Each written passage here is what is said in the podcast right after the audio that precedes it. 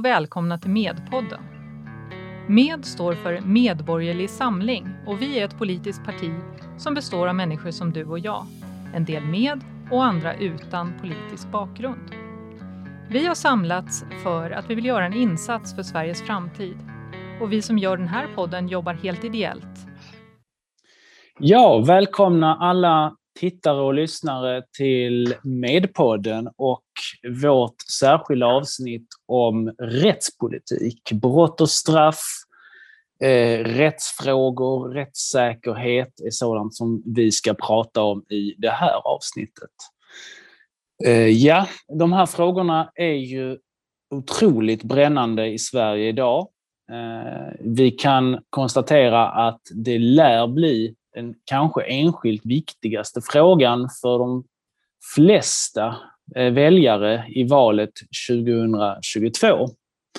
Eh, och det finns starka skäl för att det är så.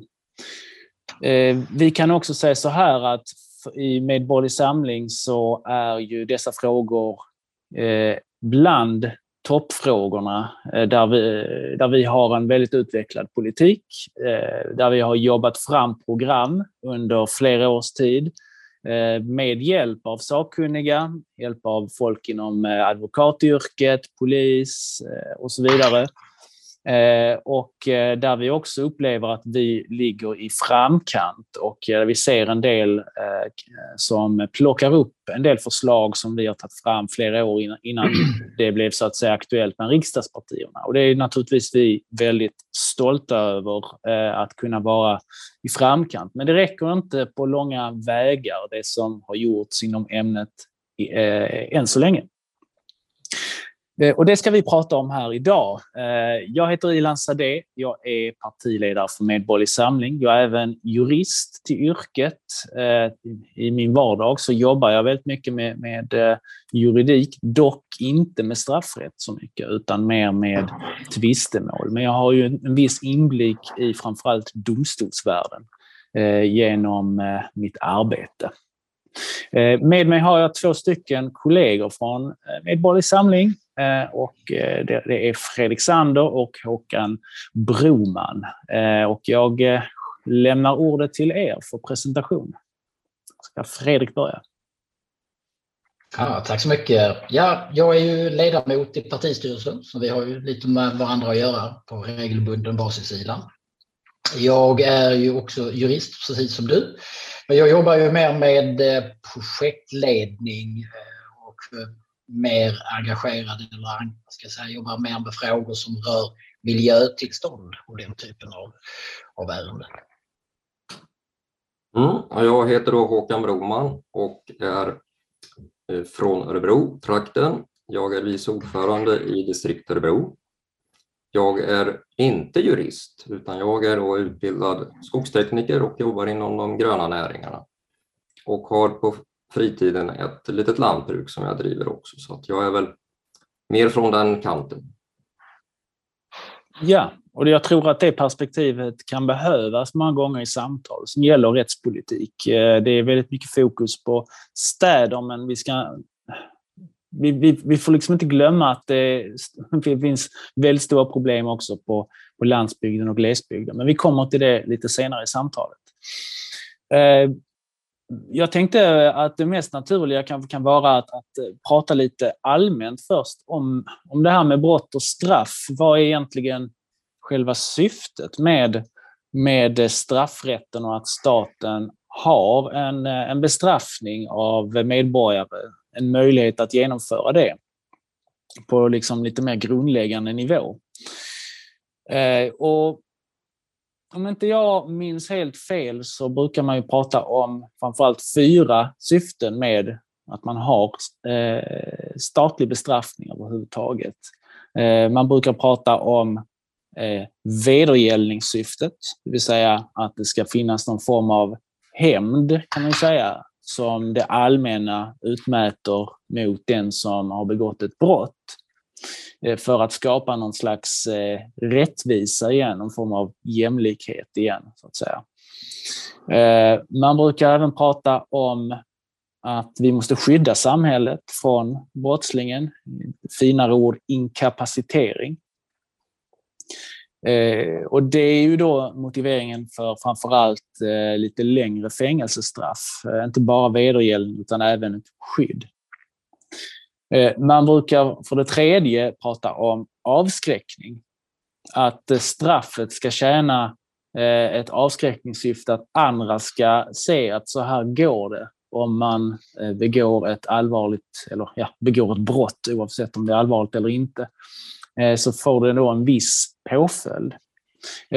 Och sen har vi den här fjärde då, det fjärde skälet som ju kanske har varit det som har dominerat i Sverige under ganska lång tid, nämligen rehabiliteringssyftet. Att man eh, ska eh, försöka göra folk av eh, brottslingar igen. Att eh, man ska kunna eh, återanpassa sig till samhället om man har begått ett brott och inte är välanpassad. Eh, och eh, det syftet har väl väldigt i väldigt hög grad eh, under andra halvan av 1900-talet framförallt, skulle jag säga, eh, påverkat eh, den svenska rättspolitiken med bara ordet kriminalvården till exempel. Man pratar alltså om vård, inte om bestraffning. Trots att det egentligen handlar väldigt mycket om, om en ofrivillig åtgärd mot den enskilde. Och det finns massa verksamhet inne på fängelser och så som Eh, som då går ut på att rehabilitera. Jag tänkte, hur ser ni på den här balansen mellan de här olika ändamålen för, med, eh, med straff? Eller påföljd, för att använda ett neutralt uttryck. Ja, jag tycker att det är oerhört viktigt att brottsoffren alltså, sätts i centrum eh, jämfört med hur det är idag, att man ökar den eh, delen. Alltså, och verkligen får till det här rättvisedelen i det du pratar om. Och att vi faktiskt får en, en inkapacitering utav de som faktiskt har begått brotten, framförallt allvarliga brott, och att man inte får en, en för tidig frigivning, villkorlig frigivning. Nu har det blivit tuffare där i, sen första maj tror jag det är i år, eller nej förra året. Så det är väl ett steg i rätt riktning i alla fall. Mm. Men med eh, brottsofferperspektivet, eh, då tänker du kanske i första hand på, eh, ska vi se, säga, liksom den här vedergällningssyftet då med, med straffet. Att brottsoffret får någon form av upprättelse genom att den som begår den här gärningen ja. får sona det på något sätt, får, får, får en, en konsekvens. Och det tycker jag är givet. Eh, du ska, du ska inte behöva möta gärningsmannen efter ett år vid ett allvarligt brott, tycker jag, utifrån mm. i samhället. Det, det måste finnas någon form av rimlighet i det här. Och det är klart, där kommer väl även inkapaciteringen in i bilden ja. förstås. Om det är, framförallt om det är fråga om brott riktade mot person där man kan tänka sig att gärningsmannen kommer att söka upp samma person igen eh, av någon anledning. Och vi ser ju även här där, där det har funnits, ja, man har begått brott och så får man inget straff, man blir in, inte inkapaciterad och så begår man ett brott, mycket allvarligare brott lite senare. Och det sker ju mm. hela tiden och det där måste vi få bukt med på något sätt. Mm.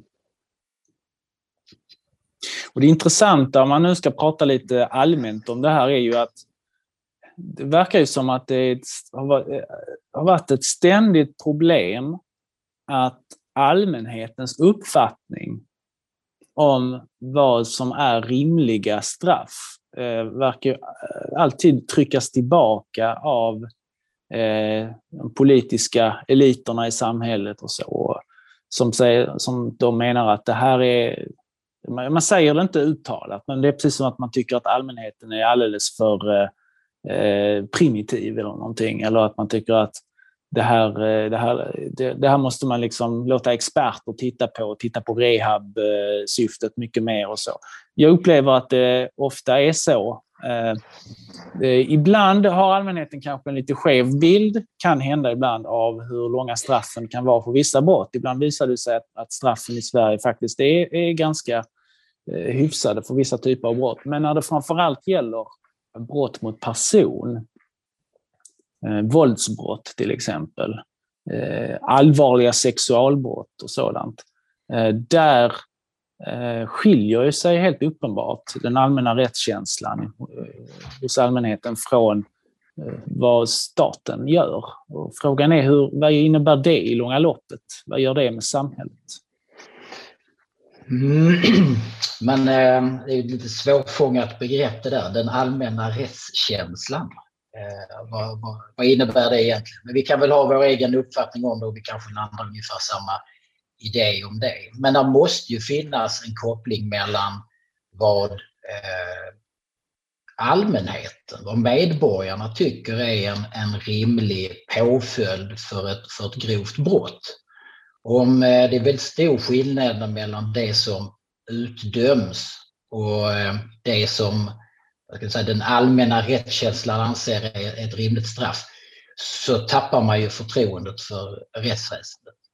Alltså, det är ju en viktig, det är en viktig del av eh, rättsväsendet eller rättsskipningen att man faktiskt når upp till det som är den allmänna rättskänslan. Att det finns en, en, en, en jämvikt där. Annars, annars tror vi inte på, på, på rättsväsendet eller utdömandet. Den, den dömande makten i det här fallet då, domstolarna och deras förmåga att, att eh, det ska ju vara rättvist på något vis. Eh, och, och vad är då rättvisan i, i det här sammanhanget? Jo, det är naturligtvis den kränkning som, brott, som, som brottsoffret har blivit utsatt för. Hur, mycket, hur, lång, hur lång fängelsestraff krävs för att man ska få den upprättelsen som är, som är rimlig? Eh, och här tror jag du har, eh, helt, har helt rätt i att den allmänna rättskänslan i det där sammanhanget faktiskt är, eh, har en helt annan uppfattning än, än vad domstolarna har. Mm. Ja, nej men alltså i grunden så, så bygger ju systemet på, skulle jag säga, att allmänheten har lämnat straffutmätningen och för all del också eh, hela rättsskipningen och att eh, domstolsfrågor och sådant till staten för att staten ska sköta det i allmänhetens intresse och för allmänhetens skull.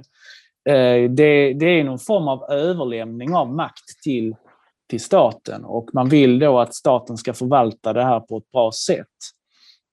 Vi har visserligen aldrig skrivit under något sånt där kontrakt med staten. Det har aldrig någon någonsin gjort. Men man brukar ibland ändå som en form av tankefigur prata om, om eh, samhällskontraktet eh, som en bild då. Eh, och jag tycker inte bilden är helt tokig ändå därför att det handlar ju om att, att eh, Eh, istället för att, som vi var organiserade för, fram till tidig medeltid i stort sett, alltså i, i stora ettor. Det var ju den nordiska varianten av klansamhällen. Eh, där man då gjorde, skipade rätt och om då inträffade någonting så när e-, en medlem i den ena klanen hittade på någonting mot den andra så fick ju det göras upp mellan klanerna i stort sett sen. Eh, och ofta ekonomiska eh, ersättningar och så. Var ser vi det idag? Jo, vi ser ju det i klansamhällen idag fortfarande. Och det är ju någonting som i högsta grad påverkar situationen i Sverige idag. Va? Eh, men man ska ha klart för sig att, att, det är ju ett stort förtroende som man lämnar över, kan man säga då, till statsmakten att förvalta. Och eh, gör inte statsmakten det så undergräver, undergrävs ju det förtroendet efter ett tag. Och gröps det ut tillräckligt mycket så finns ju alltid risken att, att staten tappar kontrollen över, över det här så småningom. Eh, så det är också en, en, aspekt att ta in och att vi vill värna eh, en rättsstat som sköter både domstolsfrågor, alltså eh, skuldfrågor och straffutmätning också. Det här ska, att det inte ska flippa ut liksom och eh, bli någon slags eh, medborgarjustis, om man uttrycker det så. Men två kommentarer, eller rättare sagt ett. Jag skulle vilja backa tillbaka lite grann till det jag sa, för jag sa att eh, domstolarnas syn på vad som är rättvisa och de straff man dömer ut och sådär. Eh, det går nog inte att lägga det fullt ut på domstolarna, utan domstolar tillämpar ju lagstiftningen eh, och tillämpar ju brottsbalken. Så att vill man få en till, till en förändring i domstolarna eh, så behöver de ju annan lagstiftning. Så det är ju lagstiftarna som naturligtvis i, allra största delen har, har skuld i hur eh, eh, rättsskipningen sker och vilken typ av straff som döms ut. Men så tänkte jag på det du sa om eh, eh den gamla tidernas lagstiftning och klanjustis och annat sånt här. Har vi inte under rätt lång tid ansett att eh, eh en rimlig ett rimligt sätt att uppnå rättvisa det är ett öga för ett öga och en tand för tand. Så att den som har begått ett brott ska utsättas för samma sak själv. Ehm, det har vi ju lämnat naturligtvis. Ehm, och jag tycker väl att vi... Ett rättssamhälle, om vi nu ska ha ett rättssamhälle, the rule of law som amerikanerna säger, så måste vi ju naturligtvis lämna klanjustisen den, den kan inte, en, vi kan inte ha en klanjustis parallellt med ett annat rätts, rättssystem. Ska vi ha klanjustis så får den ju gälla alla. Och så har vi klaner och sen så slåss vi mot klanerna eller så kommer vi överens med de andra klanerna. Men vi kan inte ha en, en klanjustis som eh, löper parallellt med det vanliga rättssamhället. Det, det är helt, helt förkastat. Mm. Och det är ju faktiskt en sak som var uppe eh, vid senaste partistämman för Medborgerlig Samling kan jag nämna. En, en, en motion om att eh, vi, vi måste ha eh, lagstiftning som eh, gör det till ett allvarligt brott att, eh, eh, använda, att, så att säga, ha, upprätta ett parallellt rättssystem eh, med straffrättsliga inslag då framför allt. Eh, så att just den här typen av eh, klanjustiz faktiskt blir att staten gör någonting åt det. Därför att vi kan inte vara så naiva att liksom vi bara kan släppa det här och tro att det kommer att lösa sig av sig själv. För att det, det är så här har det sett ut genom historien, att det finns olika maktcentra kan ju vara i konkurrens med varandra och vi kan liksom inte eh, låta det, det fortgå som vi gör idag. Nej, problemet måste ju adresseras. Eh, men det måste ju också adresseras på ett sådant sätt att man har eh, förtroende för, eh, för systemet. Jag tror ju att eh, det är därför det är så viktigt att det finns en, en eh, överensstämmelse mellan den allmänna rättskänslan och eh, de straff och den tillämpningen av lagstiftningen som, som finns. Annars kommer vi kanske få se en annan typ av privatjustis även på, an, på annat håll. Det vill säga det är inte lönt att jag anmäler det här brottet därför att jag vet att det är den här individen som har gjort det. Men om det blir en, en en rättegång av det här eh, så kommer det ändå inte vara ett, ett, straff som kommer ens i närheten av vad jag tycker är rimligt. Jag tar hand om det här själv istället. Så att jag menar, vi har ju vi har ju ett problem, ehm, problembilden är dubbelsidig här på något vis. Va? Dels har vi en klanjustis som vi redan vet att den finns och att den existerar, men också en som riskerar att eskalera eh, faktiskt med, med tanke på, på hur det faktiskt fungerar. Men med de här domar som vi har sett som är av, de är direkt provocerande. Hur, hur eh, grova, grova brott får väldigt eh, låga straff. Mm. Eh, ja, vi ska återkomma till det alldeles strax. Men jag tänkte innan dess, vi har en problembild här i, i Sverige och hur skulle man hur skulle man i allmänt, om man nu säger så, i stora drag beskriva brottsutvecklingen i Sverige på ett rättvisande sätt? Det är ju olika bud om, eh, att det, om det här. Att vissa säger att det blir bättre och andra säger att det blir sämre. Har ni några snabba inputs på den frågan? Eh, ja, det är väl så att eh, den grova brottsligheten, gängbrottsligheten, den är ju på nivå som vi nog aldrig tidigare har sett i Sverige, inte i modern tid i alla fall. Ehm, sen har vi då bilstölder som väl kanske i viss utsträckning har minskat då med tanke på hur eh, det är ganska besvärligt att stjäla bilar idag. Det var det ju inte förr. Så ehm, du har eh, antal ökande bedrägerier av olika typer. Det är ganska klart. Ehm, Eh, framförallt då eh, digitala bedrägerier på olika sätt som man då eh, ja, man ringer upp folk och det är gamlingar som luras till allt möjligt. Men eh, sprängdåd har ju, är, är på nivåer som vi aldrig har sett tidigare i modern historia.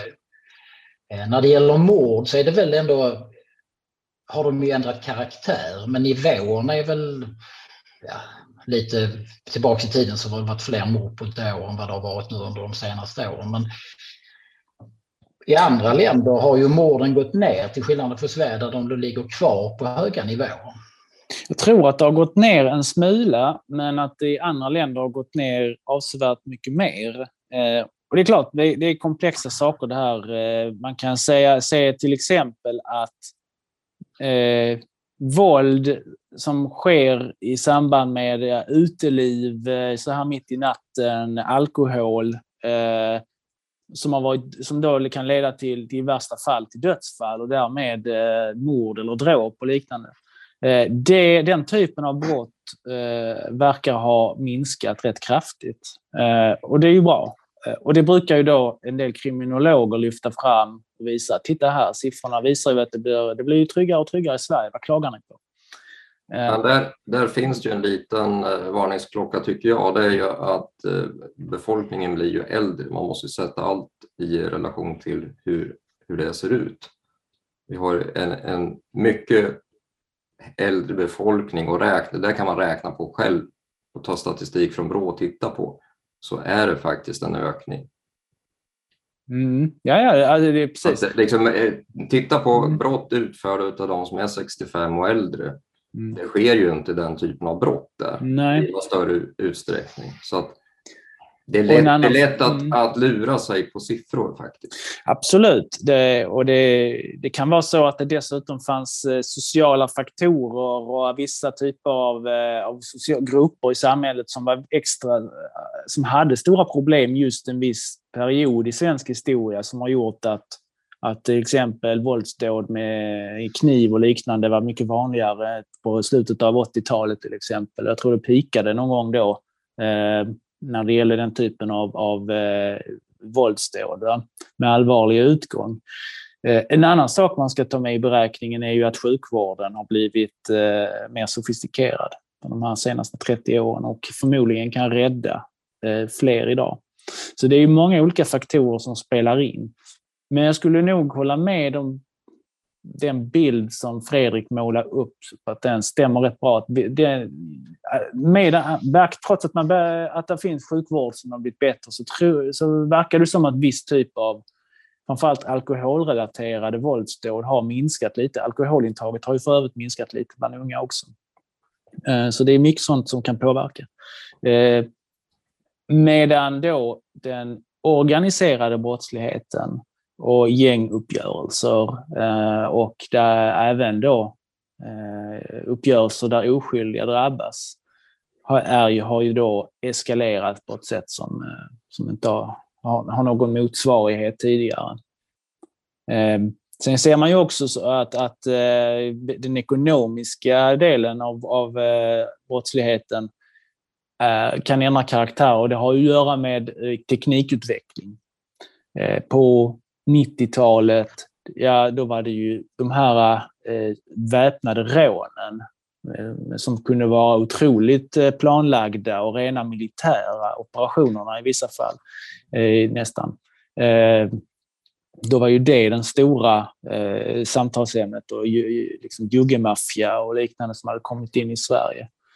Det ser vi inte någonting i idag. Ja, varför? Därför det finns inte, inga, inga kontanter eh, i, på, banker och andra kreditinstitut längre. Eh, utan istället så har ju exempelvis bedrägeribrotten kommit att bli organiserade på ett annat sätt. Bedrägerier mot, eh, mot staten till exempel. Eh, men även då massbedrägerier mot enskilda. Den typen av, av, av ekonomisk brottslighet har ju kommit att bli väldigt organiserad. Eh, och sen har vi naturligtvis eh, narkotikaförsäljning eh, och, och liknande inkomstkällor. Där har vi väl ändå ett bra förslag tycker jag i, i MED och det är ju det här biometriska ID som vi vill ha och en myndighet som utfärdar. Det, det är ett riktigt bra förslag för att ha koll på så vem som är i landet och vem som gör mm. vad så att du faktiskt kan legitimera dig. Och att du Precis. inte har dubbla uppsättningar utav dig själv. Ja. I, eller mm. kanske tio dubbla som finns fall. Just det. Ja, precis. Nej, för att eh, säga några ord till om det som... Ja, ja, Fredrik, förlåt. Nej, och det är ju inte, ja, precis, det är inte bara det att man har en påhittad eh, dubbel identitet eller trippel eller kvadruppel eller vad det kan vara för någonting, utan det är ju faktiskt officiella eh, identiteter med egna personnummer som staten har bestämt. Så de är ju inte, ja de är ju falska naturligtvis, men, men de är ju officiellt stämplade. Det är ju ett, ett enormt problem eh, på många sätt. Och det är väl en av svagheterna i, i det svenska samhället och hur man faktiskt sköter statens angelägenheter i de här delarna. Att man skapar goda förutsättningar för kriminella att begå brott. Eh, vi måste väl ha ett system som gör det svårt. Eh, det ska vara lätt att vara laglydig, men det ska vara svårt att vara kriminell. Mm, till och med förbjudet, som Annie Lööf sa. Eh, I alla fall, det som, det som ni var inne på här kan jag bara förklara lite kort för de tittare och lyssnare som, som kanske inte har hunnit Eh, läsa in sig på hela, hela det här med, bio, med biometriska ID och så. Men Medborgerlig Samling gick för ett par år sedan redan då ut med att vi behöver ha en ordentlig folkräkning i Sverige och eh, att den folkräkningen behöver vara säkrad på något sätt eh, så att den, så att vi kan liksom rensa bort alla dubbletter och, och, och trippla och, och, fler, och liknande då i systemet, i vår folkbokföring. Eh, och, eh, och, och, det finns ju så otroligt mycket läckage från bidragssystemen till eh, personer som, som inte ska ha några bidrag. Och det är dessutom väldigt lätt att eh, organisera detta och eh, begå brott på ett organiserat sätt mot eh, det allmänna, mot våra skattemedel, så att säga, mot oss alla. Så att det tog vi fram. Eh, nu har det såklart eh, kört fast i riksdagen. Det var flera riksdagspartier som eh, nappade på det här förslaget. Men ja, som vanligt har det inte blivit någonting ordentligt av det, utan det, det har väl blivit någon, om inte jag minns fel, någon form av tillkännagivande för regeringen, om det har ens blivit det. Och sen så har det bara runnit ut i sanden. För varför skulle riksdagspartierna för en gång skulle göra någonting aktivt och proaktivt för att förhindra detta? De har inte varit precis gjort det tidigare. No. Eh, det om, eh, om eh, folkbokföringsfrågor och så. Jag tänkte Medborgerlig Samlings rättspolitik i stort. Om jag skulle beskriva den lite i stora drag så skulle jag väl säga att det är väl en, man kan kalla det, det är en rättspolitik för vuxna ansvariga medborgare. Eh, vi har ett, ett program som fokuserar liksom mer på brottsoffret, på att man är ansvarig för sina handlingar. Eh, att eh, man ska ha en eh, rättvis rättegång, att rättsstatens principer är jätteviktiga att, att upprätthålla. Men att har man begått grova brott så ska det ha konsekvenser som är långtgående. Just för att uppvärdera det här med Eh, med eh, att ge brottsoffret upprättelse eh, och att hålla farliga människor inlåsta under ganska lång tid. Precis som Håkan var inne på tidigare så finns det faktiskt viss typ av våldsbrottslighet som av biologiska skäl nästan tenderar att minska när personer blir äldre. Och är det då en, någon som är ung och är livsfarlig Eh, eh, och har begått väldigt allvarliga brott, eh, då har vi ett väldigt starkt syfte här att kunna ha, döma ut fängelsestraff som är 15-20 år. Vi, vi behöver ha en straffskala som är, är betydligt kan vi säga, mer utdragen än, än vad vi har idag. Det är ju inte så att det är med glädje som, som jag går igenom och tittar på, på vår eh, rättspolitik. Man kan ju bli gladare eh, när man går in och tittar i andra politikområden, för det här är ju ingenting man gör för att det är kul. Eh, utan det här är ju en, eh, en sak som är helt nödvändig. Och eh, ju förr ju, ju bättre. Men det händer ju väldigt lite inom eh, statsapparaten menar jag på, på det här området, även om det pratas väldigt mycket från eh, de etablerade partierna. Eller hur ser ni på saken? Ja, jag, jag, skulle faktiskt vilja läsa första stycket i vårt rättspolitiska program om jag får. Ja, men kör. Det är ganska genialt skrivet. Mm. Eh, då står det så här, att staten sörjer för medborgarnas trygghet och säkerhet är ett av grundfundamenten för ett fungerande samhälle. Om inte medborgarna kan lita på statens vilja eller förmåga att upprätthålla lag och ordning undergrävs legitimiteten för dess maktutövning och i slutändan också dess existens. Jag tycker det är jättebra skrivet, liksom, att man kan ha som utgångspunkt när man pratar om de här frågorna. För mm. i grund och botten så det här samhällskontraktet du nämnde Ilan, det, det, har vi ju att förhålla oss till och ska vi ha ett rättssamhälle så som det ser ut idag, inte den här klanjustitian som vi pratar om, då, då, då måste det här fungera över tid. Och att vi kan lita på det, att det finns poliser i tillräcklig omfattning, det finns ett rättsväsende och vi har så att säga, en kriminalvård där vi kan inkapacitera folk och liknande så att det räcker till. Det, det tycker jag är grunden i det här med eh, samhället. Och vi är ett parti som pratar om att vi vill ha lägre skattetryck. Men här vill vi faktiskt använda mer medel för att skapa det här grundfundamentet i samhället. Och det, det, läser man vårt rättspolitiska program så är det ju själva andemeningen som vi har i det här första stycket. Det, det kommer ju igen i alla de saker som jag har skrivit och tagit upp. Det är ett omfattande program jättemycket så här och det är alltid sådana här frågor uppe på våra stämmor. Och jag, jag, tycker det är värt att titta i det här programmet faktiskt. Just det, det, det skiljer sig rätt mycket från eh, de andra programmen som vi har inom andra områden på det sättet att eh, det, det är väldigt detaljerat. Eh, det, man kan nästan se det som en verktygslåda full av olika verktyg som vi föreslår för att eh, få bukt med, med, eh, med brottsligheten i Sverige.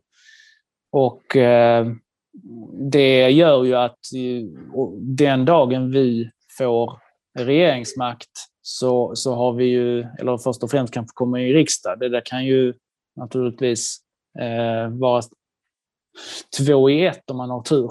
Eh, då, eh, då har vi möjlighet att väldigt snabbt eh, trycka igenom förslag och det programmet är ju uppdelat så också att eh, vissa saker skulle man kunna få igenom på ett kvartal enbart. Va? Eh, och eh, några få i alla fall.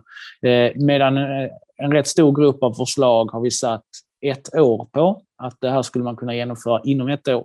Eh, och en annan grupp förslag eh, ligger då eh, som på ett år eller mer då, att man behöver lite mer tid för att eh, bereda det hela.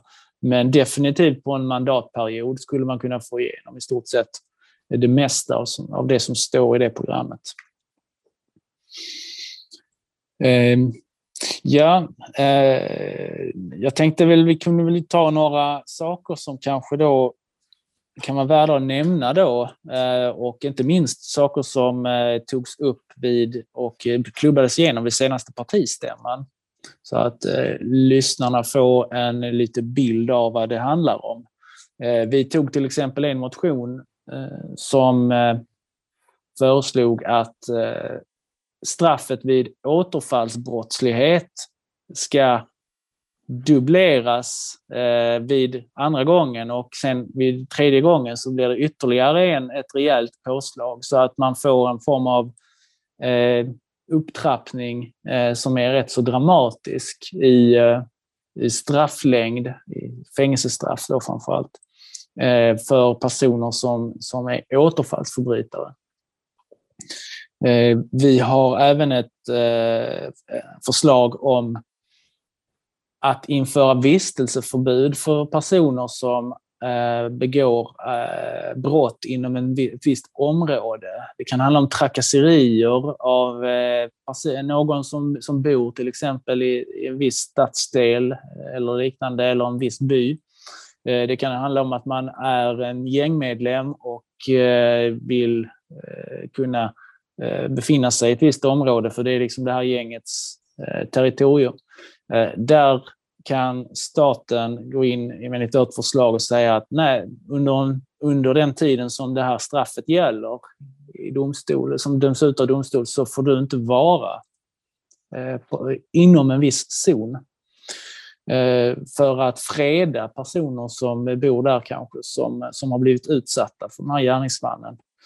Eh, så att vi behöver en större verktygslåda för staten som, för att använda ett uttryck som du brukar upprepa Fredrik ibland, att, att få, få tillbaka kontroll över ytan.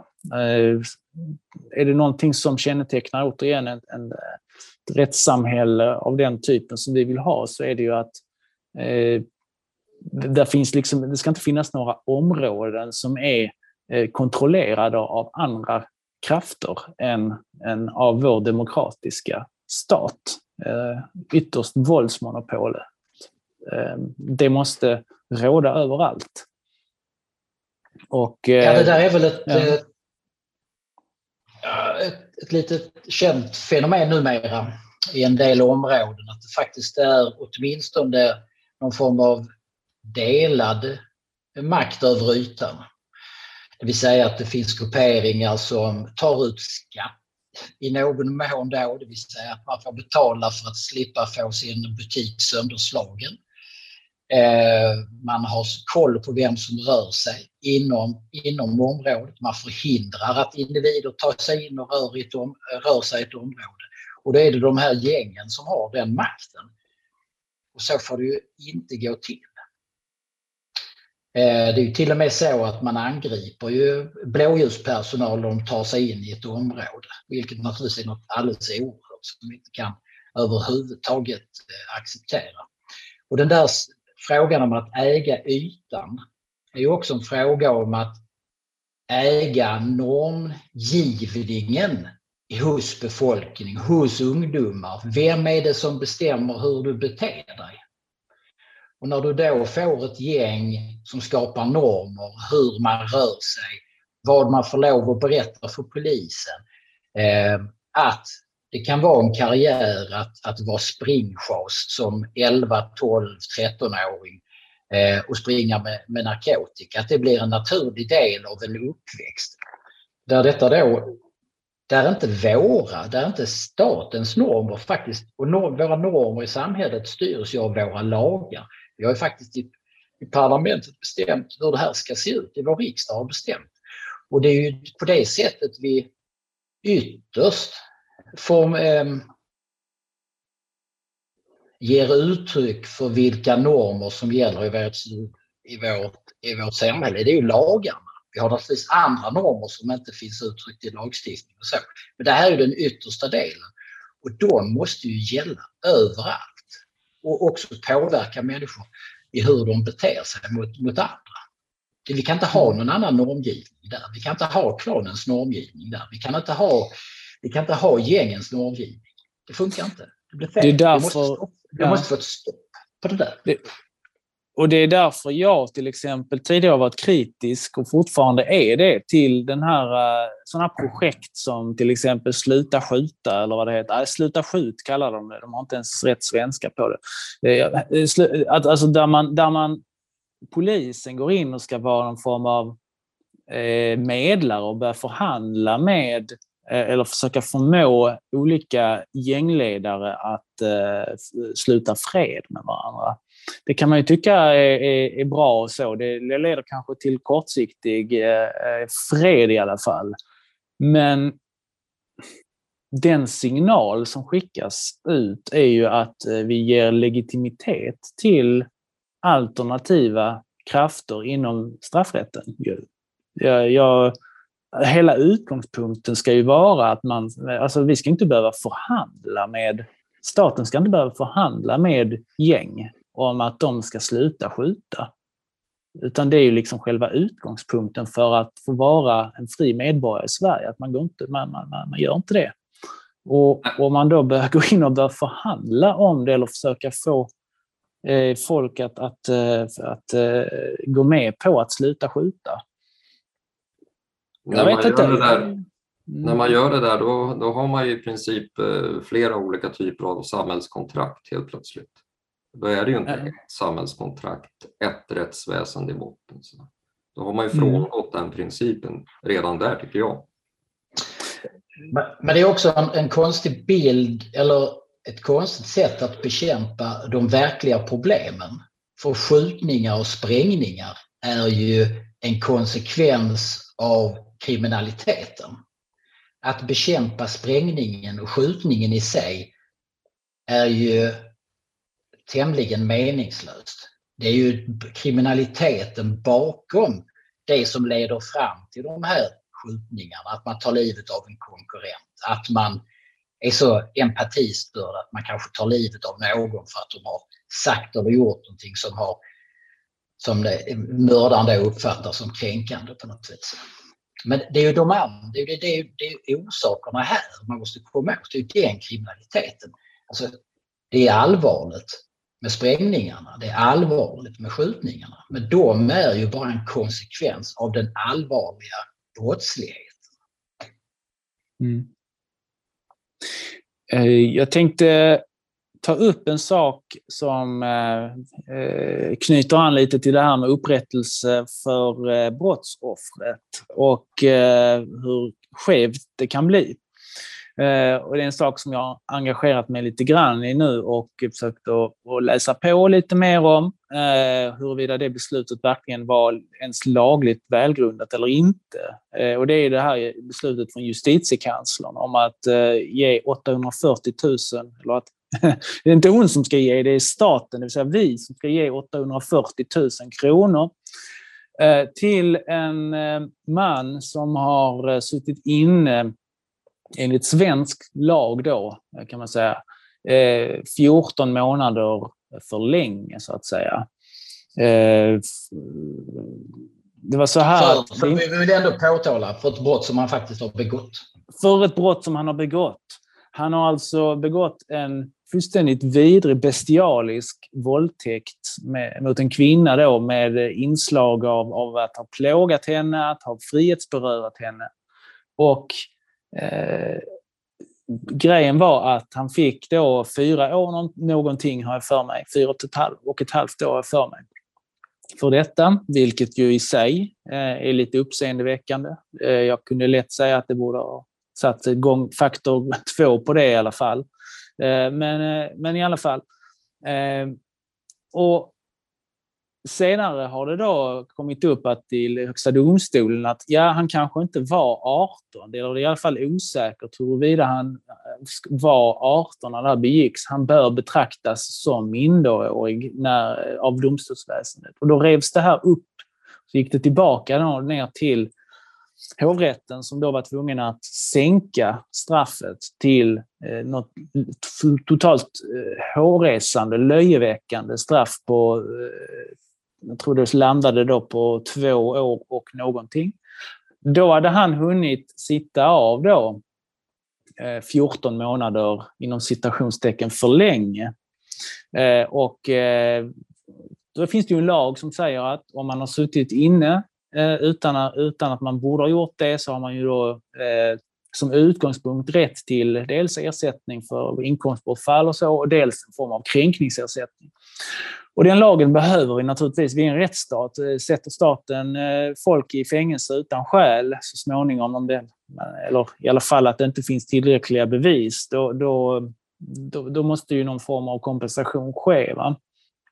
Men i det här fallet så hade han begått brottet. Det var bara att hans ålder var tydligen lite så satt i, i fråga. Eh, och det finns då möjligheter för staten att eh, jämka ner ska, det här kränkningsersättningen ganska, eh, vid specialfall. Om det liksom är stötande att det betalas ut pengar.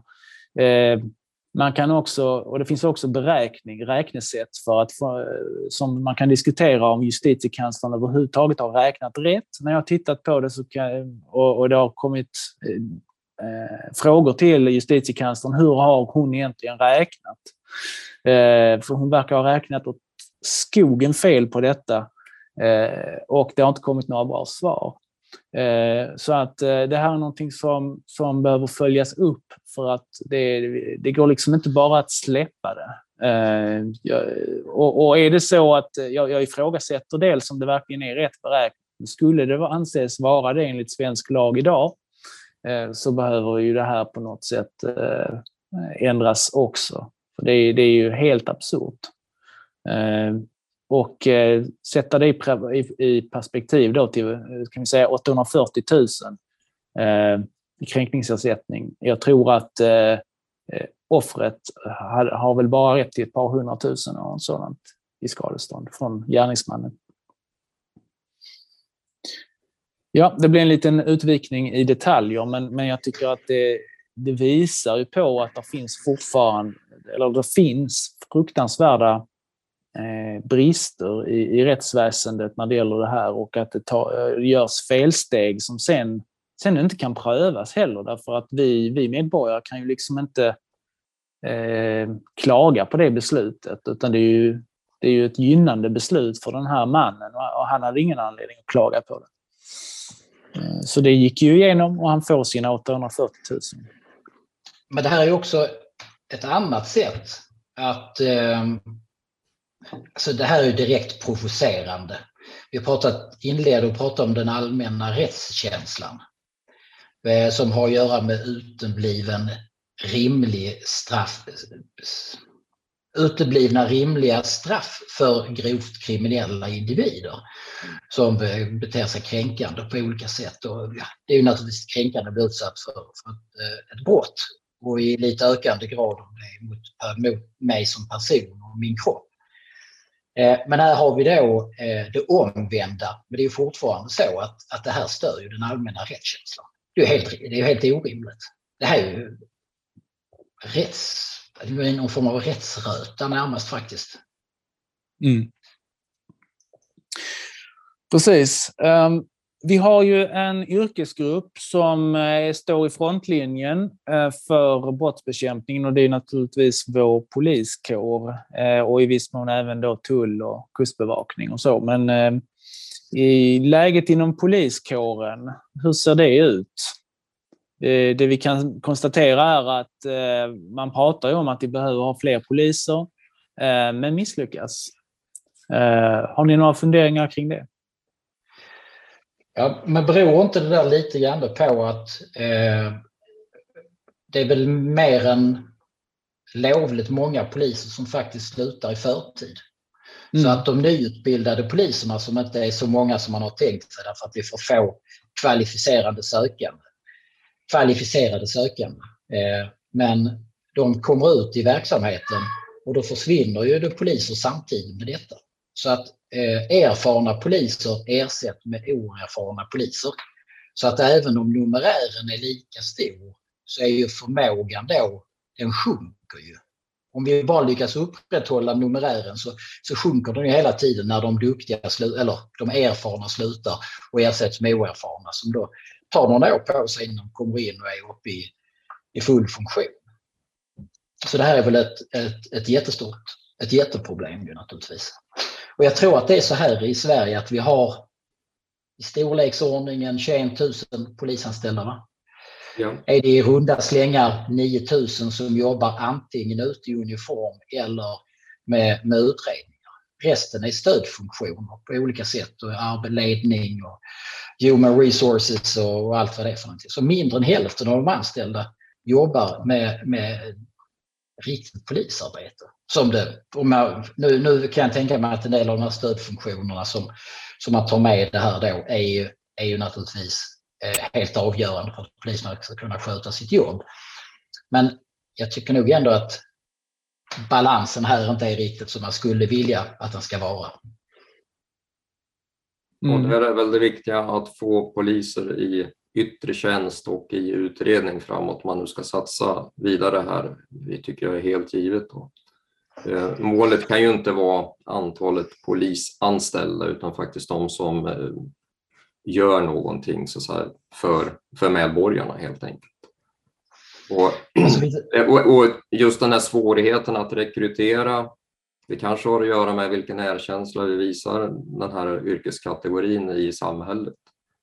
Eh, jag tror det finns en hel del där så att man måste ha den approachen från, från samhället.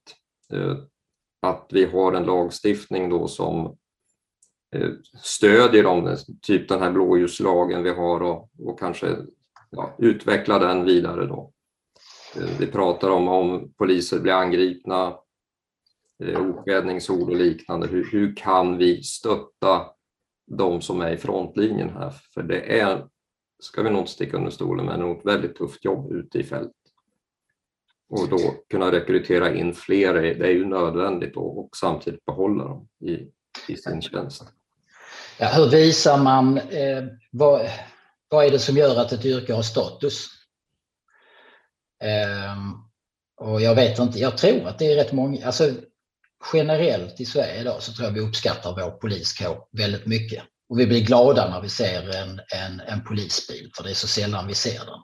Jag uppskattar eh, uniformerad eh, polis. Ehm, eh, vi, vi, har för lite av dem ute på gatorna. Jag tror det är en, en ganska vanlig uppfattning faktiskt. Att det är för få eh, synliga poliser ute bland oss medborgare helt enkelt.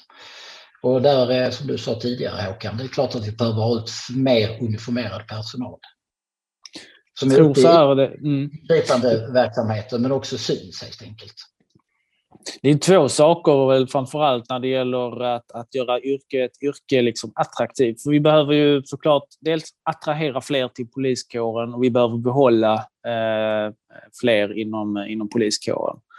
Eh, och eh, den, en sak är naturligtvis lön. Eh, vi har ju anslagit i vårt budgetförslag en, en en, en rejäl påse pengar för löneförhöjning till, till poliser eftersom eh, löneutvecklingen inte är den bästa och inte heller ingångslönen. Eh, det, så att det är ju en sak. Den andra saken är ju att alla, alla vill ju liksom kunna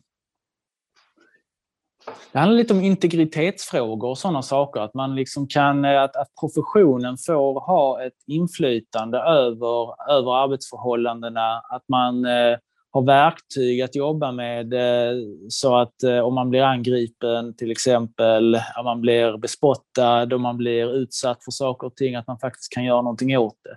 Sådana saker. Det är ungefär som i lärarkåren. Att, att, eh, jag tror största problemet där är nog inte pengarna, utan det är väl snarare att man blir utsatt för någon slags eh, eh, märkligt ideologiskt experiment och inte får eh, låta lärare, skickliga lärare få sätta, sätta eh, tonen för hur skolan ska, ska skötas och organiseras. Och samma sak kan gälla inom andra yrkeskårer för den delen. Eh, så att det, det, är nog de två sakerna som, som måste till. Jag, jag tänker på det här med hur man eh, skyddar sina yrkes, yrkesgrupper då. Men du tänker oss poliser, det är ju ändå ett särskilt yrke. Eh, och ett sätt att visa att vi, vi som samhälle och, som, och staten också eh, ser särskilt på dessa och vill på ett särskilt sätt skydda dem så skulle man kunna ha speciallagstiftning som faktiskt skyddar just poliser till exempel. Va? Men nu är det ju väl så här också då att när poliser blir utsatta för olika typer av övergrepp eh, och det blir rättegång och de kräver skadestånd för att de har blivit spottade på eller på andra sätt då kränkta av några kriminella. Så eh, är det så att i och med att de har den yrkes, den yrke, det yrke de har så ska de förväntas tåla mycket mer än vad andra gör. Så här har man ju vänt på, på hela den här eh, kuttingen. Det blir ju helt... Ja, det är ju direkt provocerande, naturligtvis. Om man spottar på en polis så ska det naturligtvis rendera i ett straff direkt. Mycket hårdare än om du spottar på, på, på, en, på din vanliga medmänniska. För polisen ska i det här sammanhanget ha ett, ett starkare skydd. Alltså det, det ska det vara kriminellt att spotta på en polis. Det ska naturligtvis ha skadestånd också för att de blir utsatt för den här kränkningen. Det ska inte vara så att ersättningen blir lägre därför att det är sånt du får förvänta dig i en yrkesroll. Jag, mm. jag, jag tycker att det är, det är verkligen det är upprörande faktiskt. Svensk rättsskipning, svensk rättspraxis. Mm. Helt oacceptabelt. För att vara eh, socialdemokratiska. Precis. Eh, en sak som jag tänkte på som kan vara viktig att ta upp är ju att eh, vi har inte oändliga resurser och eh, vi måste prioritera vissa typer av, av brottsbekämpning. Och ett, en brottskategori som, som ju jag ser när jag är inne i domstolar på tavlan, att nu är det förhandling om detta och detta och detta, då är det ju ringa narkotikabrott det är otroligt vanligt. Det vill säga att man, man har tagit någons för in, eget innehav, för eget bruk. Eh, där har ju vi i Medborgerlig Samling ett förslag om att avkriminalisera det där. Det innebär ju egentligen inte någonting som är mer dramatiskt än att gå tillbaka till eh, hur det var i Sverige fram till slutet av 80-talet.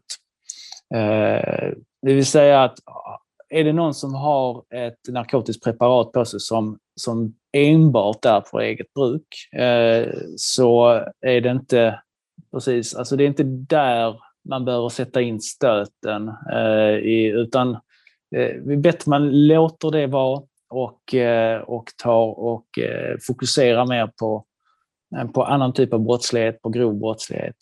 Eh, så att Eh, där har vi ett sådant förslag som jag tänkte nämna därför att det, det är ju det är ju rätt mycket energi och kraft som går till att, eh, till att hantera hela allt detta.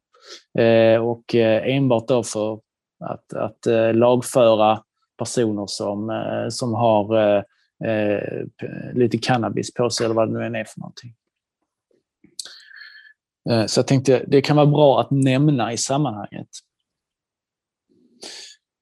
Ehm, yes, om det inte är någon som har något att, att haka på på den frågan så tänkte jag också ta upp eh, här nu eh, frågan om, om eh, villkoren på eh, landsbygden. Eh, och eh, ja, jag kanske lämnar lite ordet där till Håkan. Hur, hur ser liksom situationen ut när det gäller trygghetsfrågor Eh, utanför eh, tätorterna? Ja, jag tänkte dra ett litet exempel på för att beskriva egentligen två ytterligheter då, som, som kan vara intressant att ta med sig så man har en liten reflektion över det här med resurser inom polisen bland annat. Då. Rättsväsendet det kan vi lämna det här. Men om vi tar till exempel Norrbotten då, eh, så är det ju en fjärdedel knappt av Sveriges yta med 250 000 invånare. Så ett likadant ut i 50 år ungefär. Ingen större skillnad. Tar vi däremot Stockholms län så har man gått från 1,4 till 2,4 miljoner invånare. I Norrbotten har det också skett en urbanisering så att, att folk har ju flyttat till de större städerna, eller Luleå och Piteå, så det har ökat med 40 000 invånare.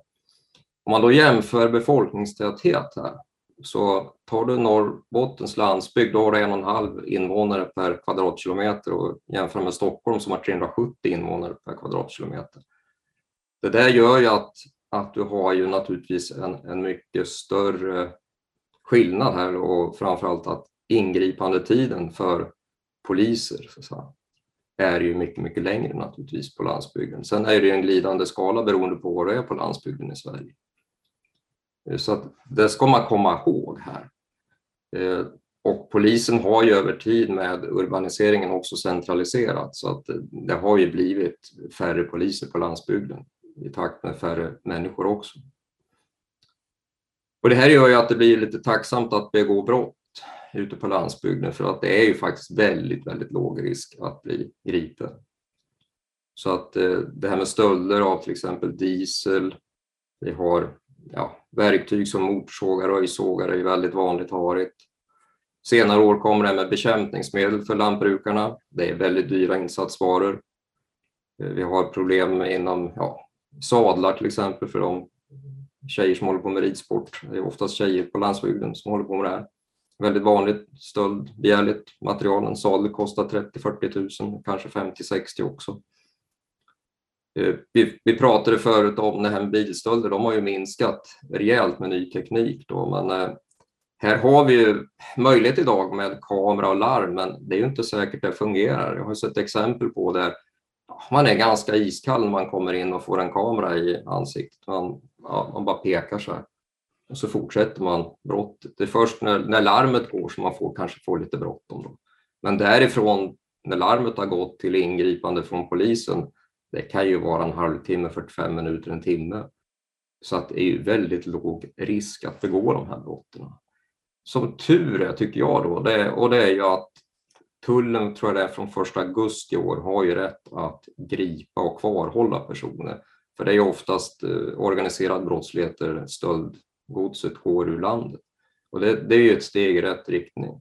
Sen får man väl ha någon organisk utveckling hos tullen också, att med ny teknik då förfina det här så att man faktiskt kan få stävja det här. Men det blir intressant att se om det blir någon effekt av den där förändringen. Just det. För det är någonting som jag tror vi har haft uppe också i vårt program, att tullen måste få ökade befogenheter, polisiära, ja. polisiära befogenheter, eftersom den typen av stöldbrottslighet som drabbar landsbygden i hög grad handlar om export av varorna, om man uttrycker mig så, till eh, kontinental Europa, framförallt österut. Mm. Sen har vi en, an, en annan typ av, av, brottslighet, om du tar landsbygden så är det ju en hel del aktivism, så från, främst mot lantbrukare inom djurproduktion. Då. Och det, det är ju en, en, annan typ av eh, brott då, som är betydligt allvarligare tycker jag. Så här, grejer är grejer, men här handlar det om hot mot den som faktiskt är näringsidkare och dennes familj. Eh, och, och man gjorde en undersökning 2020 här då och eh, fann att ungefär 16 procent hade den här typen av, av som var, de jobbade med djurproduktion, då, så det är inte i allmänhet bland lantbrukare. Men då 16 procent hade haft intrång, skadegörelse eller hemfridsbrott. Det är rätt hög siffra. Fyra av tio hade varit utsatta för brott och då, då lägger vi på det här med stöld kanske främst. Då.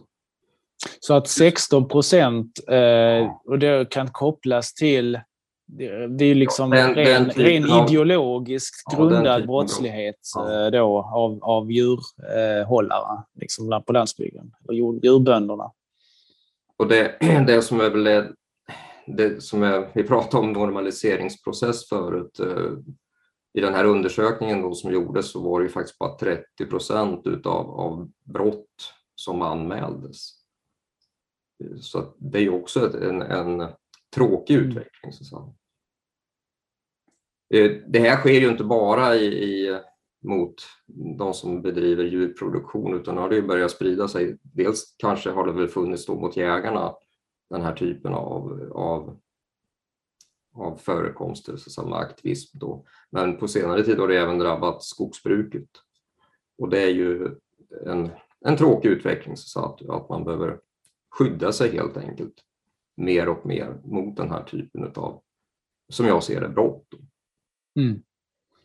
Så det... Jag tror det, det finns ett problem här att det förmodligen av, ifrån, eh, eh, ifrån en del eh, politiska krafter som har inflytande i Sverige och så, så ser man väl inte detta som, som något sådär jätteallvarligt antagligen tyvärr. Att man ser det lite som att det, det är, men det är väl okej, okay, det är politisk aktivism som har gått mm. lite överstyr, men det är ju, och vissa kanske till och med tycker då att det är ett gott syfte, så därför så är det väl inte så jävla farligt.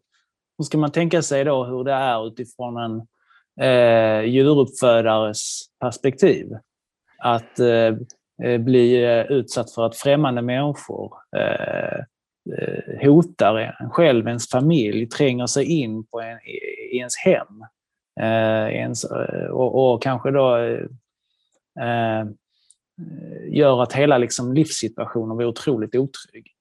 Eh, men det har man tydligen inte förståelse för. Det, det, det är faktiskt rätt fruktansvärt. Man, man, har ju pratat om att skärpa lagstiftning och liknande här och det är ju, det är ju så att det är ju nödvändigt att få till en, den typen av lagstiftning som är, blir mm. skarpare faktiskt. Och dessutom eh, kanske en annan syn på nödvärnsrätten för, för här har du ju inte tillgång till polisiär skydd snabbt när du bor ute på landet. Då tar det ju tid. Så Men så vitt man kan förstå när det gäller de här angreppen på eh, djuruppfödare då, eh, av de här aktivisterna så är det väl till och med så illa att man upplever att inte ens, man försöker inte ens tillämpa den lagstiftning som faktiskt finns. Man försöker inte ens beivra den här brottsligheten.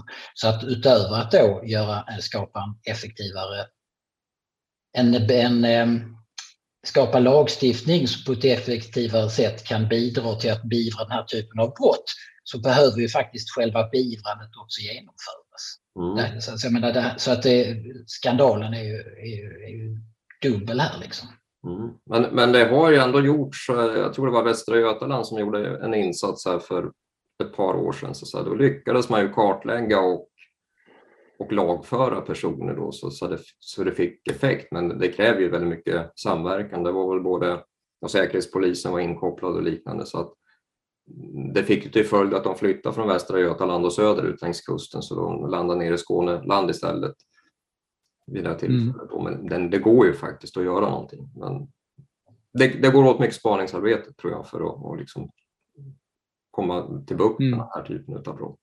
Men sen, alltså, vi pratar om att det är politiskt. Ja, vi, det gör väl att kanske allmänheten tycker det är som, så allvarligt som, som andra brott. Då, men det, det, här är ju för att tysta och, och, och, ta bort vissa typer av näringsgrenar eller ja, produktion som, som är fullt laglig. Det är ju det det syftar till i slutändan. Mm. Att man inte använder sig av demokratiska metoder längre. Nej. Eh, du tog upp en sak där som eh, jag tycker är eh, rätt viktig att, att lyfta fram, nämligen nödvärnsrätten och rätten till självförsvar. Det har ju gång på gång kommit domar mot folk som har värjt sig där man anser att man har gått för långt. Och eh, jag tror att Medborgerlig Samling är väl nästan det enda partiet, eh, jag vet inte om det är något etablerat parti i riksdagen överhuvudtaget som driver de här frågorna. Men att vi behöver ha en, en eh, mer långtgående eh, nödvärnsrätt än, än vad vi har idag. Eh, det, det handlar ju om att, att menar, eh, om du blir utsatt för ett angrepp, eh, en situation som i sig utgör ett brott, eh, så, eh, så har man ju enligt, det finns ju i, i brottsbalken en rätt till nödvärn. Du får ju lov att göra saker eh, som du inte hade fått göra om du bara hade ja, oprovocerat eh, gett dig på någon. Utan du, du har ju en rätt och, det, och den rätten är enligt eh, då teorin så ska det ju den då utökas efterhand som du får mer, rätt att göra mer och mer saker beroende på hur allvarligt angreppet är. Så ju allvarligare angrepp, ju mer får du göra för att värja dig. Eh, men gång på gång verkar det som att domstolarna då eh, ställer helt, helt orimliga krav på och orealistiska krav rent utav på vad en angripen person ska få lov att göra. Eh, där finns fall om att eh, man har varit tvungen att då eh, använda skjutvapen mot personer som var eh, under ett omedelbart angrepp i det egna hemmet, inträngande person. Eh, slutar det då illa för den som gör intrånget så, så riskerar alltså väldigt lätt den som har, har då värjt sig att bli dömd för eh, vållande till annans död eller liknande. Eh, eller då vållande till kroppsskada eller missgrov misshandel, eller beroende på hur det gick. Va? Eh, och jag vill även då ta upp ett fall som gäller eh, en kille som, eh, jag vet att Ivar Arpi skrev en artikel om det Eh, på sin, eh, på sin sida på Substack, tror jag den heter, den här bloggen, eh, om en kille som blev utsatt för en väldigt hotfull situation och då råkade han ha en något, någon skylt eller någon liknande, det var någon trafikskylt, han var en smula Eh, på kanelen så han hade tyckt att det var en god idé att ta med sig något sånt och släpa på. Då hade han dängt den i huvudet på, på någon av angriparna eh, för att värja sig och eh, för detta då så fick han ett ganska långt straff av från, från hovrättens sida. Så att personer som befinner sig under angrepp svensk rättspraxis verkar utgå ifrån att man i det läget kan sätta sig ner och eh, göra en, en eh, otroligt eh, eh, noggrant avvägd kalkyl. Eh, och sen säga till angriparen, vänta lite, jag måste fundera här lite. Ta det lugnt så ska jag sätta mig här och, och, och titta på och vad exakt jag får lov att göra om du väntar där så länge. Det, är, det alltså, så funkar inte så. Och det är ju helt galet. Eh, så där, där tror jag att det är, det är någonting som vi behöver trycka på mer i Medborgerlig Samling. Och vi har politiken på området. Eh, om inte domstolspraxis ändrar sig så måste ju på något sätt någon, någon form av eh, lag in i, en lagändring in för att markera det här. Och det är ju nästan så att du måste vara väldigt duktig kampsportare för att kunna utnyttja din nödvärnsrätt och kunna göra en välgrundad avvägning. Ja, just det. det är Ska ju inte då... lätt i, i en sådan situation naturligtvis om, om det förekommer våld. Att, att, ja, hur ska du liksom begränsa det? Var drar du gränsen? Mm. Är du mm. väldigt duktig på att liksom, ja, neutralisera någon så funkar det väl, men i övrigt är det ju inte lätt. Och det verkar man bortse från i, i rättsväsendet, i domstolarna. Men om jag har, har studerat, eller studerat, läst om ett par fall i alla fall om nu det jag läste stämmer så verkar ju en grundläggande premiss vara i, under nödvärnssituation att ett, kan du ta dig därifrån? Har du möjlighet att fly? Att flykten är ditt första nödvärns, din första nödvärnsrätt. Gör du inte, har du möjlighet att fly och inte gör det så kommer man att se på det med skepsis. Så det våld du utövar i det läget är nästan alltid då opåkallat. Eh, det kan vara som att jag, att jag hårdrar då hur man faktiskt, hur rättspraxis ser ut. Men just i Substack-fallet eller det här Ivar Arpi-fallet så var det väl på det viset också. Att frågan var varför sprang du inte därifrån? Varför använde man då den här, den här skylten som han hade släpat med sig då och drog i, i roten på, på en av angriparna? För de var ju flera stycken. Just i det fallet. Va? Eh, och det här är ju naturligtvis ett, ett problem. Jag roar mig tidigare om att gå in och läsa eh, de eh, paragrafer, de bestämmelser som rör nödvärnsrätten i brottsbalken. Då. Eh, och när man läser den, läser de bestämmelserna så tycker jag att eh, det, det ser ut så att man, det faktiskt finns ett ganska rimligt utrymme till nödvärn. Men i det här fallet så är det praxis som har lett fram till att det är är inte, spring, har du möjlighet att springa därifrån och inte gör det, så, så ja, det, då börjar det dåligt. Liksom. Och, det här, och det här är ju, är ju helt, helt galet faktiskt. Det är klart att man ska ha rätt att försvara sitt hem och det uttrycks också ganska tydligt i, i eh, eh, nödvärnsbestämmelserna då, att eh, man får lov att slänga ut folk från, om de eh, inte går, lämnar ens hem på ens eh, begäran då och så. Men i, i ren, enligt praxis så funkar det inte på det viset. Mm. Nej, nej det, det, det, är säkert så. Lagen är, är väldigt knapphändig och, det, och C säger ju liksom bara att man har den rätten. Och sen så är det då en, en eh, bedömning som ska göras från fall till fall. Eh, där då praxis va, eh, gång på gång går alldeles för eh, långt i att ställa krav på den angripne. Eh, och ja, stämmer det dessutom, som du säger Fredrik, att, att man eh, i stort sett eh, eh, ligger under det där i förhållande till domstolen om, om, man, om man väljer att inte fly, då är ju det riktigt anmärkningsvärt. Det, det är ju någonstans behöver vi kunna skicka, skicka ut signaler till folk att nej, angrepp accepteras inte man måste kunna ha rätt att med rak rygg kunna ta och, och värja sig i sådana lägen utan att Eh, få en, en, eh, en dom emot sig. Eh, så länge man, man håller sig inom någorlunda rimliga eh, åtgärder. Va?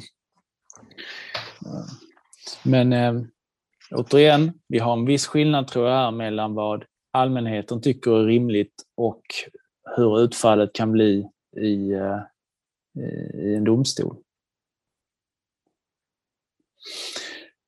Ja, hörru ni, eh, vi har pratat nu eh, ganska länge och eh, avslutningsvis, eh, det ser ju inte bra ut det här, eller? Eh, man blir ju lätt lite dyster.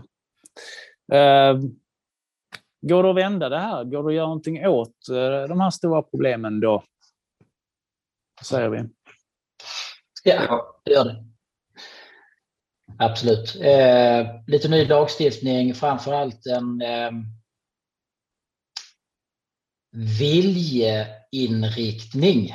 Det är den som måste till. Vi måste ju se på det här på ett annat sätt. Bestämma oss för eh, vad, vi vill, vad vi vill åstadkomma. Eh, jag tycker att en rimlig målsättning måste vara att antalet brottsoffer måste minska varje gång någon inte blir utsatt för ett, ett våldsbrott, varje gång någon inte blir utsatt för en, för en stöld är ju naturligtvis en seger för, för rättssamhället. Va? Och när vi ser då den ständigt ökande, som har varit nu under ett antal år så vitt jag kan förstå, sexualbrotten till exempel då, och de grova sexualbrotten också, de måste ju pressas ner. Vi måste ju bestämma oss för att vi ska ha färre brottsoffer. Och hur gör vi detta? Och då tycker jag att vårt vårt rättspolitiska program är en bra start på det. Den täcker inte allt. Vi behöver titta lite mer och fundera på Ehm, hur man eh, minskar, eh, ser till att färre tar sig, blir kriminella från början överhuvudtaget. Va? Det är ju rekryteringen också som man behöver titta på. Det, det adresserar vi inte eh, fullt ut i vårt rättspolitiska program. Men eh, jag tycker att det är en bra, bra början. Eh, fler poliser ute på, på gatan, längre fängelsestraff, Eh, så kommer vi till slut också få färre, färre dömda därför att vi får ett samhälle som, som eh, blir mer laglydigt, fler laglydiga medborgare. Det, det, det var en, en, för de rätta åtgärderna kommer att, att åstadkomma. Men vi kan inte mm. vänta. Ju längre vi väntar, desto svårare kommer det att bli. Men sen har vi även en ett lite längre perspektiv också. Det finns väl en skrivning, om jag minns rätt, i vårt rättspolitiska program och det handlar ju om, om skolan och eh, auktoritet i skolan, liksom att få ordning och reda där från början och lära ut vad som, hur samhället, egentligen lite så hur samhället fungerar, men framför allt att du, du som lärare har ett mandat att hålla ordning i skolan. Det tror jag är viktigt över, över tid om vi ska få en förändring. Vi, vi har ett program som är pang bom mycket på en mandatperiod som jag sa förut, men, men även det perspektivet måste vi lyfta in. Och, ja, vi har ett bra skolpolitiskt program också. Vi får hoppas att vi får höra om det i en podd lite längre fram. Det kommer. Eh, Precis, alltså skolpolitiken, eh, invandringspolitik och integrationspolitik, eh, där allt det här eh, hänger ihop med rättspolitiken. De programmen kanske är lite annorlunda till sin karaktär, där ser vi de stora dragen.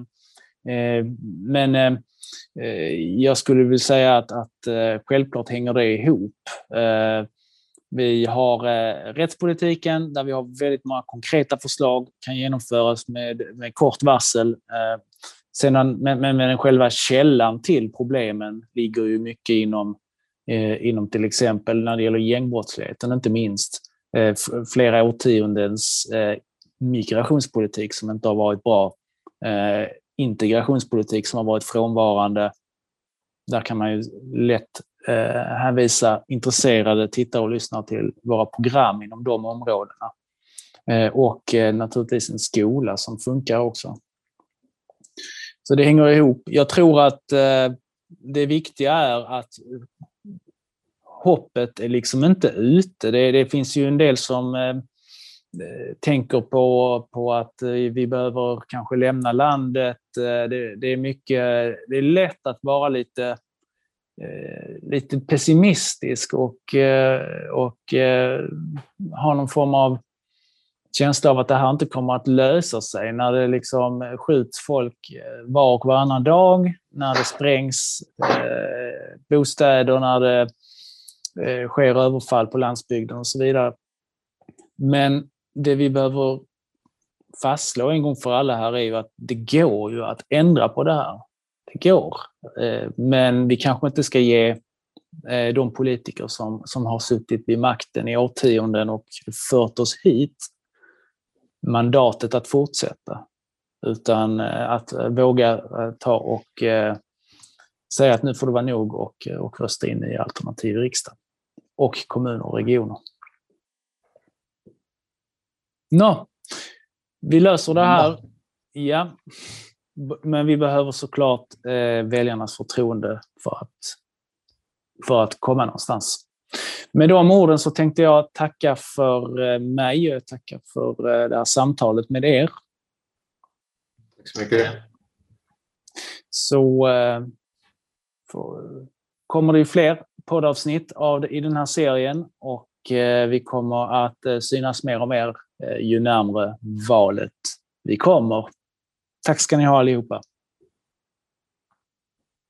Du som har lyssnat på podden, återkoppla gärna till oss i Medborgerlig Samling i kommentarsfälten.